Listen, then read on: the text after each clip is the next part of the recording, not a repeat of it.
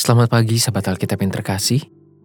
Marilah kita mengawali hari ini dengan melakukan perenungan akan firman Tuhan. Bacaan Alkitab kita pada hari ini berasal dari kitab 2 Korintus pasal 7 ayat 1 sampai 7. Saudara-saudaraku yang kekasih, karena kita sekarang memiliki janji-janji itu, marilah kita menyucikan diri kita dari semua pencemaran jasmani dan rohani, dan dengan demikian menyempurnakan kekudusan kita dalam takut akan Allah. Berilah tempat bagi kami di dalam hati kamu. Kami tidak pernah berbuat salah terhadap seorang pun. Tidak seorang pun yang kami rugikan dan tidak dari seorang pun kami cari untung. Aku berkata demikian bukan untuk menjatuhkan hukuman atas kamu.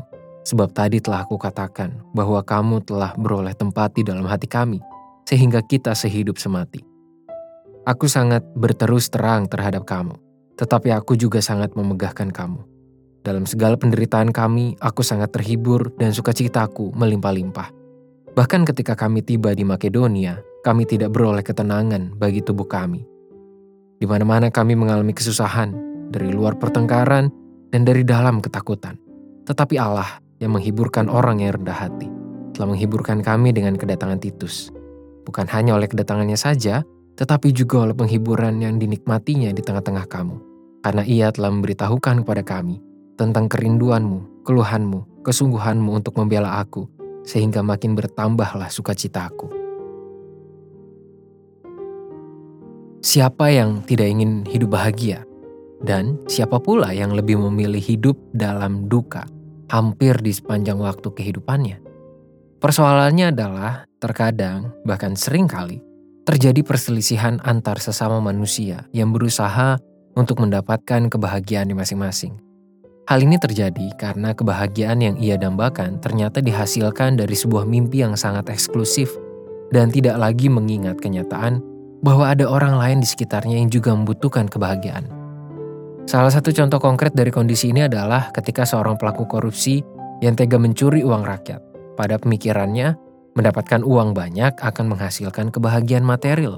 Tak peduli bagaimana caranya, hingga ia melupakan dampak buruk yang dihasilkan dari tindakan korupsinya tersebut.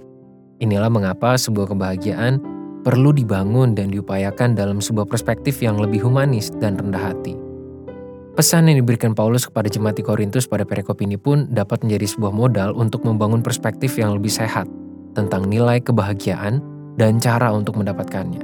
Bagi Paulus, kebahagiaan merupakan kondisi ketika ia mendapatkan penghiburan dari orang lain, dalam hal ini jemaatnya, secara khusus pada saat ia harus menghadapi kondisi yang tidak menyenangkan. Kebahagiaan Paulus juga tidak merugikan maupun mendatangkan celaka bagi orang lain. Hal ini secara tegas ia tuliskan pada ayat 2. Kami tidak pernah berbuat salah terhadap seorang pun, tidak seorang pun yang kami rugikan dan tidak dari seorang pun kami cari untung. Semua itu adalah hasil karena ruang yang ia sediakan di dalam hatinya untuk menerima kehadiran para jemaat. Kamu telah beroleh tempat di dalam hati kami, dalam segala penderitaan kami, aku sangat terhibur dan sukacitaku melimpah-limpah. Itulah kata Paulus. Konsep kebahagiaan seperti inilah yang menjadi salah satu modal Paulus untuk tetap bertahan dalam pelayanan yang ia kerjakan dan tetap setia menjadi pekerja Kristus. Kebahagiaan yang ia rasakan tidak bersifat eksklusif, melainkan memampukan ia untuk semakin efektif menjadi manusia yang membagikan karunia Tuhan bagi orang lain. Dalam hal ini, bagi jemaat Tuhan. Sahabat Alkitab, Renungan firman Tuhan pada hari ini telah mengajarkan kita tentang sebuah konsep kebahagiaan yang didapatkan dari kehadiran orang lain dan dibagikan bagi orang lain pula. Paulus telah mengajarkan bahwa kebahagiaan sebagai umat Tuhan justru ia dapatkan melalui kehadiran orang lain dan berfungsi untuk dibagikan bagi banyak orang pula. Kebahagiaan itulah yang memampukan ia menjalani perannya sebagai pengajar jemaat sekaligus sebagai pengikut Kristus yang setia. Jadi, kebahagiaan semacam apa yang ingin Anda dapatkan? Kebahagiaan untuk diri sendiri atau untuk dinikmati bersama di dalam Tuhan. Sadarilah bahwa sebuah kebahagiaan akan menjadi lebih bermakna dan bernilai jika dapat dinikmati oleh orang-orang di sekitar kita. Marilah kita berdoa. Tuhan, bimbinglah kami untuk memiliki kesadaran dan kepekaan serta kesediaan untuk membagikan kebahagiaan yang kami dapatkan.